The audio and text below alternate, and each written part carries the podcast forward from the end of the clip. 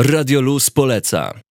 Друзья, всем большой привет. Э, Я приветствую вас на программе «Что там?». Как всегда, воскресенье 16.00 мы начинаем наш сегодняшний воскресный эфир. И сегодня он будет довольно-таки у нас необычный, потому что у нас гость, гость из страны, которая в последнее время вызывает очень-очень много споров, и, к сожалению, ее многие не любят. Но, будем честны, есть немножечко за что. Уж прости меня. Привет. Э, Как тебя зовут? Могла бы ты представиться и откуда ты к нам приехала? Привет, всем привет. Меня зовут э, Эльвира. А, Я приехала из э, Санкт-Петербурга, из России. Ты давно приехала из Санкт-Петербурга, правда? Две недели. Окей, хорошо. Слушай, вот ты приехала из Питера. Как изменился город и настроение в нем после начала войны, после 24 числа?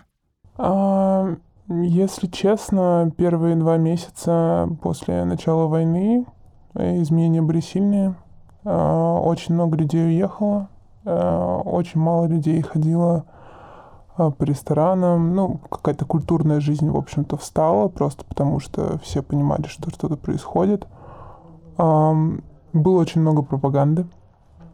Ужасно, конечно, да.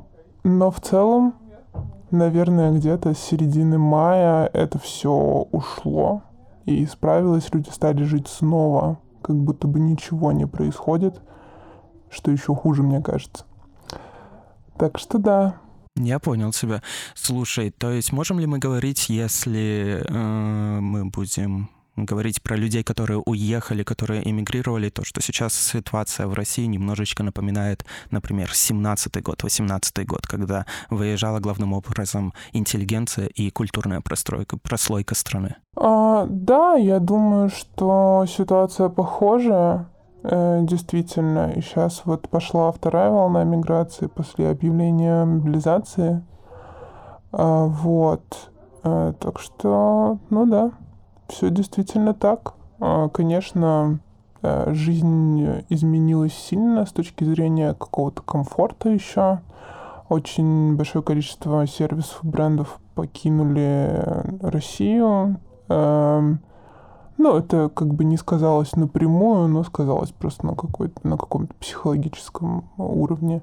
Ну и как-то можно сказать, что да, те люди, та, та, та а, интелли- прослойка интеллектуалов, которая осталась в России, э, которая не имеет возможности на данный мо- момент уехать по каким-либо причинам, а, ну,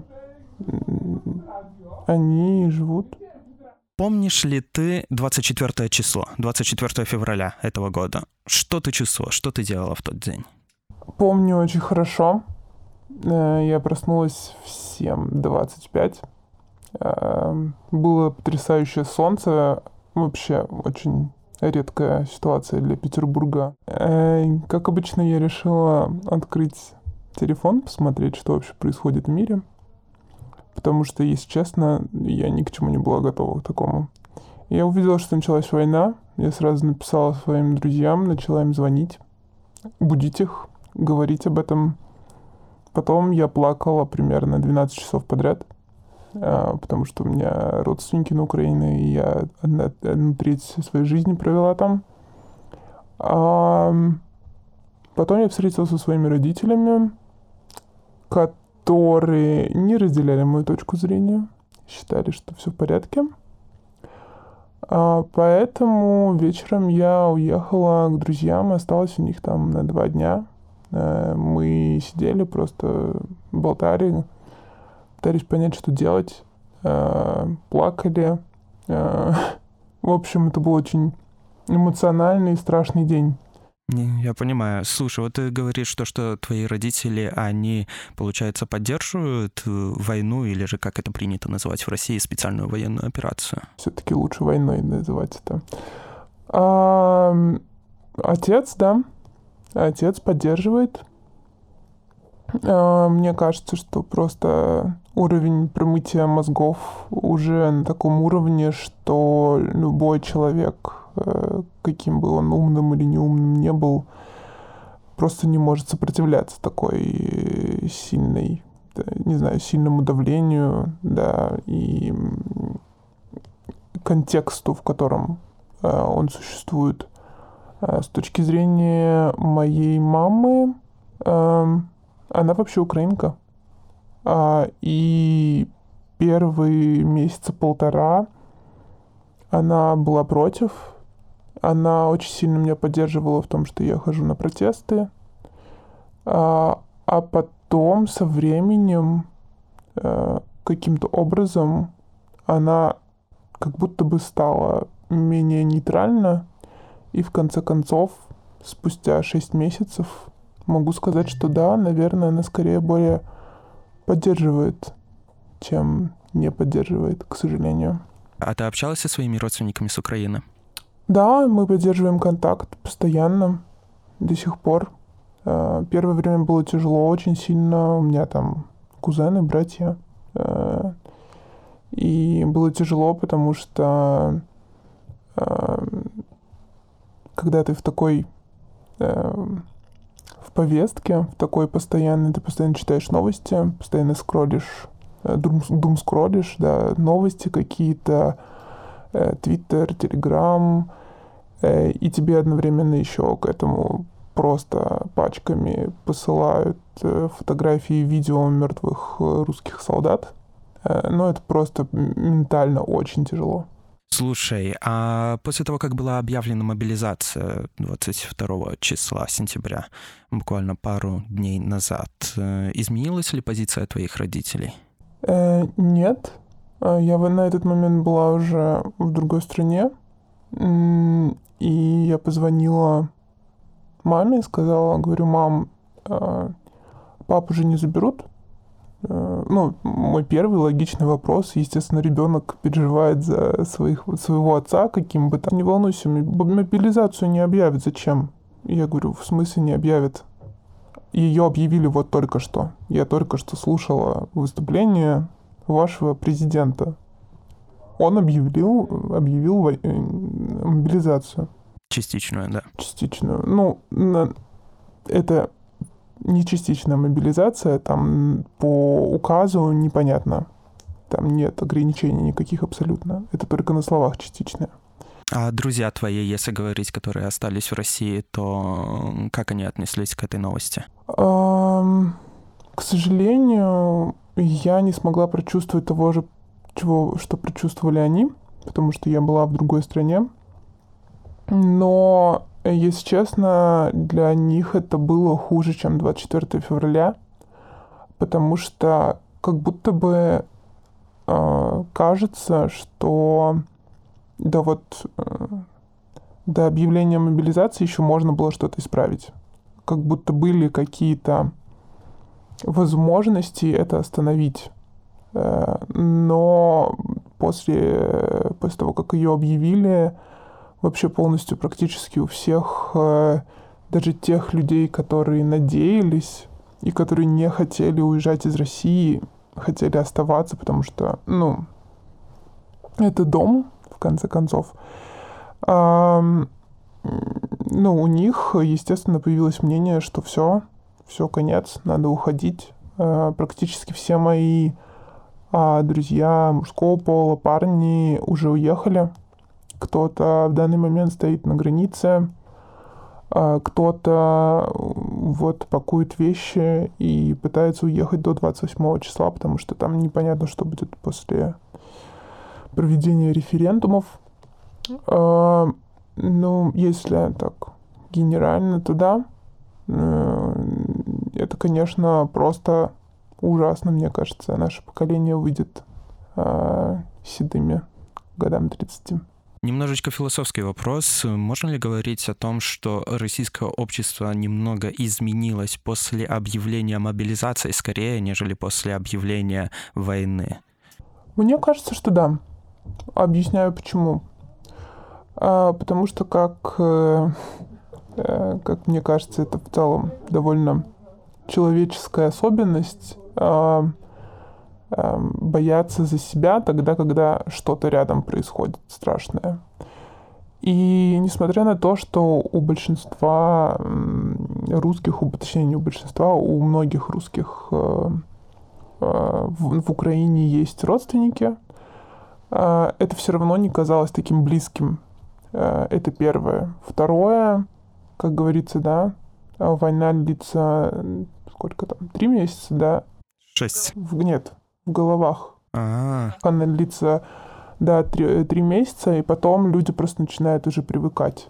Они начинают свыкаться э, с этой мыслью. То есть, грубо говоря, летом происходила некоторая акклиматизация, что ли, к тому, что происходит. И все решили то, что окей, добро, добро идет война, но ничего страшного, это нас не сильно кас- касается. Вот ушла Икея, ушли, допустим, какие-нибудь сервисы, ну и фиг с ними, как-нибудь переживем. А, Да-да-да, все именно так. А, И когда объявили мобилизацию, а, это уже стало касаться всех. Потому что у всех, кого я знаю, да, либо кто-то является мужчиной, которого могут призвать, либо у них есть братья, а, друзья, а, родственники, а, парни, мужья, и, естественно, пошла риторика, а почему мы должны идти, Э, почему такое вообще происходит. Вот лучше пусть э, либералы идут, они же против этой войны, вот они пусть на войну идут. Да, только большая часть либералов уже сидит, либо уехала. Да, именно так. Ну, есть же все-таки большое количество людей, которые не поддерживают, но при этом они не являются э, политическими активистами, э, ну, в таком привычном значении. Не пройдет ли вот этот вот страх, запал, желание выходить, например, на протесты, как это мы сейчас наблюдаем в том же Дагестане, Якутске и в иных областях спустя какое-то время после объявления мобилизации? Что будет дальше, по-твоему, после того, как вот мобилизация уже объявлена, и потом она немного устаканится? Возможно, люди снова привыкнут. Я не знаю, я не какой-то политический аналитик, чтобы делать какие-то выводы, если честно. В целом, за последние, да, вот эти вот 9 месяцев все, что э, можно было бы предположить, оно, как это сказать, пошло по худшему сценарию. Поэтому да, вполне возможно, что это может произойти.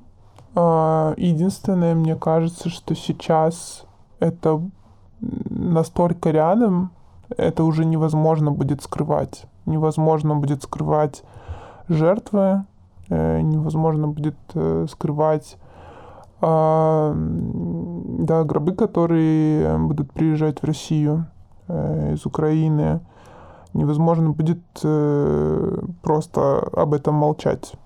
Поэтому, если честно, ну, у меня нет понимания. Я, мне очень хочется надеяться, что э, это что-то изменит, да, что люди будут продолжать выходить, но я также одновременно понимаю, что в некотором роде это очень большая, да, полемика в интернетах, русские, почему вы сидите и ничего не делаете. Вот, собственно, часто можно это услышать в интернете, когда начинают предъявлять претензии русскому обществу, русским гражданам, россиянам в целом, что, мол, якобы, как это так, почему вы не уходите на протесты? А, ну, здесь э, это очень сложный вопрос. Э, Я как человек, который был несколько раз на протестах, а, ну, сама могу сказать, что а, в основном, да, выходят же крупные города, и там а, очень все-таки огромное количество а, ОМОНовцев, очень большое количество людей, которые этому препятствуют. Но на одного там задержанного условно, буквально недавно видела видео, сегодня с утра, как одного задерживают семеро. Ну, это просто нереальное количество э, людей, да, соответственно, в штатском, да, который, с, с которыми просто очень сложно справиться. Слушай, ты историк.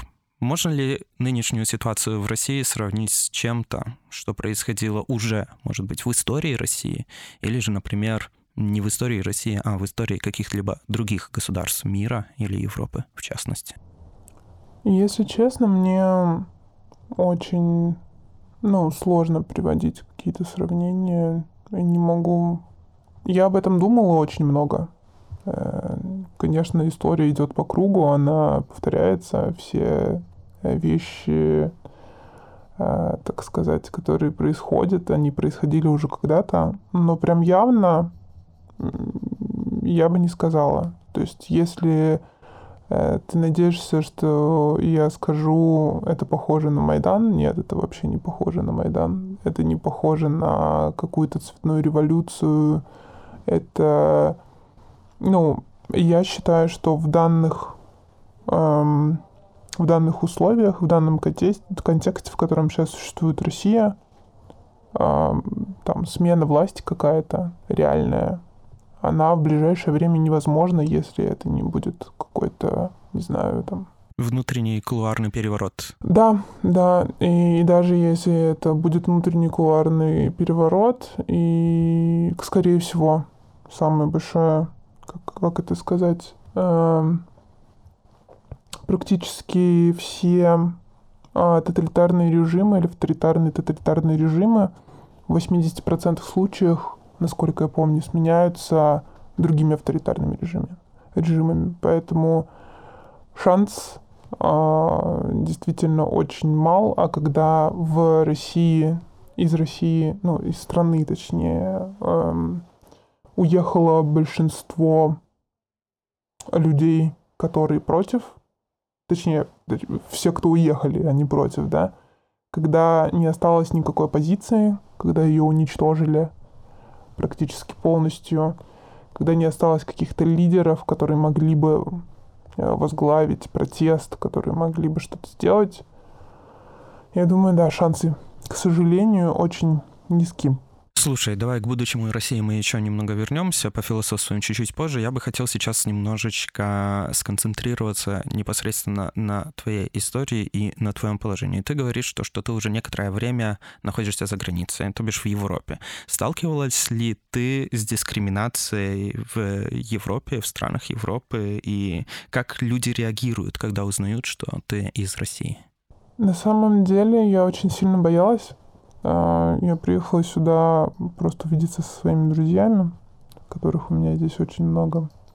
А, и я очень боялась а, реакции действительно людей совершенно, ну, как бы ко мне не, относя... не относящихся, новых каких-то. Но мне кажется, это больше страх, потому что даже я, будучи сидя в, у себя дома в России, эм, все равно в мое инфополе э, супер там либеральные, супер э, против правительственное попадают э, большое количество информации, большое количество случаев, э, когда ну, к русским относятся очень плохо. Поэтому э, я вот была недавно в аэропорту Берлина, и мне надо было по работе совершить звонок Э, и я поняла, я поймала себя просто на мысли, что мне, что мне страшно сидеть в аэропорту и разговаривать на своем языке, потому что я боюсь, что меня кто-то осудит, что на меня посмотрят странно, что меня посчитают там убийцей и еще кем-то. Хотя на самом деле это же просто, ну, мое право, да, как человека. Просто язык. Разговаривать, да, на языке, и нация, она не определяет, к сожалению, вот есть такое, да, ощущение. Нация не определяет человека, не определяет его политическую позицию. Абсолютно нет. Поэтому э, это больше, наверное, страх был. Э, я ни разу пока не встретила никого, кто на меня косо там посмотрел или не косо посмотрел, но надо сказать, что в большинстве случаев я пытаюсь скрывать то, что я русская, и э, максимально не афишировать это, эту информацию, просто потому что она, ну, мне кажется, не определяющая. Я понял себя. Слушай, а теперь поговорим про высокую политику. Действия международного сообщества, по твоему мнению, эффективны Нет. по отношению к России? А что бы они так должны были сделать? Я не знаю, что они должны были сделать, но я считаю, что все действия, которые они совершают, они в основном а, только действуют на поддержание режима и усиление его, и на а, усиление конфликта. А, потому что любой шаг, который делает э, европейское сообщество сейчас а, российской пропагандой а, переворачивается и очень удобно используется в своей пропаганде. Э, И я это вижу и к этому отношусь э, очень сейчас критически, просто потому что я вижу, как некоторые мои друзья, которые были супер против Путина, против м, войны, против всего, они начинают иногда задумываться о том, что, ну, что может быть все не так однозначно. Вот это вот прекрасная, да, фраза «все не так однозначно». Э, Конечно, понятно, что все не так просто, но тем не менее этого становится очень-очень много. То есть, э, по твоему мнению, чтобы в России что-то изменилось, чтобы эта война закончилась со стороны России, то должны произойти изменения именно внутри общества, которое проживает в России самой? Возможно, да. Ну, просто не пойми меня неправильно, да, я тоже не могу говорить, э, что я хочу, чтобы, я не знаю, там армия НАТО вошла в мою страну и освободила ее от Путина. Э, Это тоже было бы, наверное, странно слышать. И непонятно, помогло бы это или нет. Непонятно, каких количеств жертв с двух сторон это, это дало, да. Непонятно, что бы вообще произошло с миром а, в этом смысле. Поэтому, ну, да, кажется, что то, что делает сейчас э, Европа и США, это не совсем эффективно, и на самом деле это аффектит больше э, людей, ну, эффект, эффект больше на людей, которые, вот как раз те, тех людей, которые уезжают. То есть ту интеллигенцию, то плохое слово интеллигенция, просто тот культурный слой, который в том числе не поддерживает войну, который э, в том числе там, если можно так сказать, прозападный, и в меньшей степени это вообще практически не касается. Да, не в меньшей степени. Вообще практически не касается тот пласт населения, который действительно выступает за. То есть так называемый глубинный народ, как его именуют.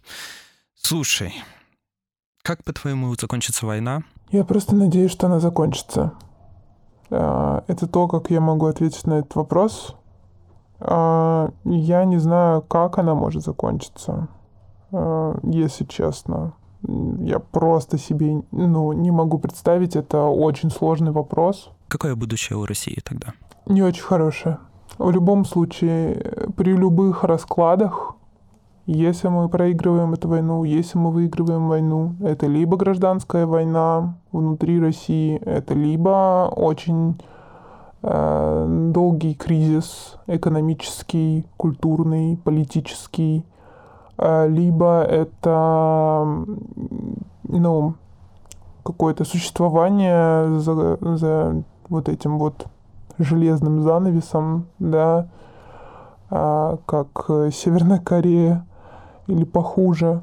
Ну, то есть в любом случае я считаю, и мне кажется, что это логично, что в ближайшие 20-30 лет а, в России ничего хорошего не может быть при любых раскладах. Даже если будет строиться демократия, все равно это будет очень тяжело. Это будет через боль, страдания и через э, рецессии, инфляции. В общем, Возвращение к тому же пункту, на котором находились все мы в 91-м. да, Если не хуже. э, да, если не хуже, если не хуже, и, и если даже если мы будем там находиться в этих вот э, с новых 90-х, то там снова встанет вопрос, а есть ли кто-то, кто сможет э, сделать не так, как сделал а, Ельцин и его электорат. Угу. И снова найти очередного сильного лидера. Да. Понимаю, о чем ты. А если говорить про отношения России и Украины, как ты видишь их будущее? И как их налаживать? Потому что в определенный момент же, наверное, их придется налаживать. Как выстраивать диалог, по-твоему? Um, я не знаю. я не знаю, честно. У меня вообще впечатление такое, что все украинцы ненавидят лично меня. Ну, и я тут недавно встретилась с одним, и он меня обнял и сказал, что все хорошо, я надеюсь, что все скоро будет хорошо. Я расплакалась, потому что ну, это было... Это просто веру какую-то э, в человечество, что ли, в ситуацию, да, дает, потому что есть очень много негатива со стороны украинцев, и, естественно, когда ты сидишь в России, единственное, что ты видишь, это вот эти вот негативные ситуации. Ты, ну, ты не, не можешь столкнуться там с чем-то позитивным, потому что все, что транслирует, это негатив, негатив, негатив, негатив. И мне бы, конечно, хотелось, чтобы я могла э, приехать к своей бабушке. Простите. Каково это быть молодым в России? И каково это быть молодым русским? Эм, сложно. Эм, почему? Э, по крайней мере, с моей, ну, как бы мой пов, да, э, это быть без дома. А вот это ощущение, когда у тебя вроде как есть дом, но ты понимаешь, что ты не принадлежишь. Ты там чужой. Да, ты там чужой.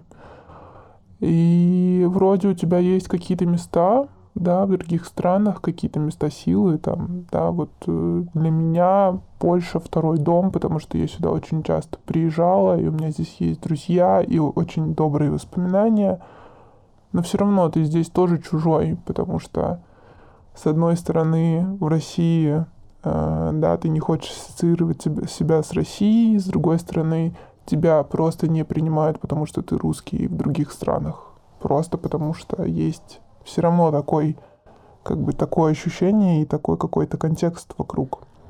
Поэтому я бы сказала, что да, быть молодым в России сейчас это быть человеком, ну, тем, тем молодым, который, естественно, не поддерживает э, Путина, не поддерживает войну, это быть э, человеком без дома и без родины, без какого-то будущего в каком-то смысле, потому что непонятно вообще, что происходит. Непонятно, что будет происходить, э, что с твоими родными. Ты вроде как переживаешь, но понимаешь, что ты не можешь, тебе надо уезжать. И ты разрываешься, и это очень тяжелое чувство, эм, которое правда сложно выносить. Ну, то есть это какой-то вот камень на душе, который не придет, потому что кто-то где-то, да, принял решение, из-за которых, э, из-за которых ты понимаешь, что просто тысячи людей, да, распрощались жизнью, из-за которых там миллионы лишились будущего. И это просто ужасно. Но это никак не принять в себе и ничего с этим не сделать. Это просто оно есть, и вот оно существует. Наверное, так. Спасибо тебе большое за это интервью, за твою смелость и за то, что решила поделиться с нами, каково это быть русским сейчас, молодым русским, который не поддерживает войну. И я от имени, наверное, лица всей секции Восточноевропейской академического радио ЛУЗ э, желаю тебе удачи. Ну и, как говорится, слава Украине, смерть Путину и живе Беларусь. Героям слава. Radio Luz poleca.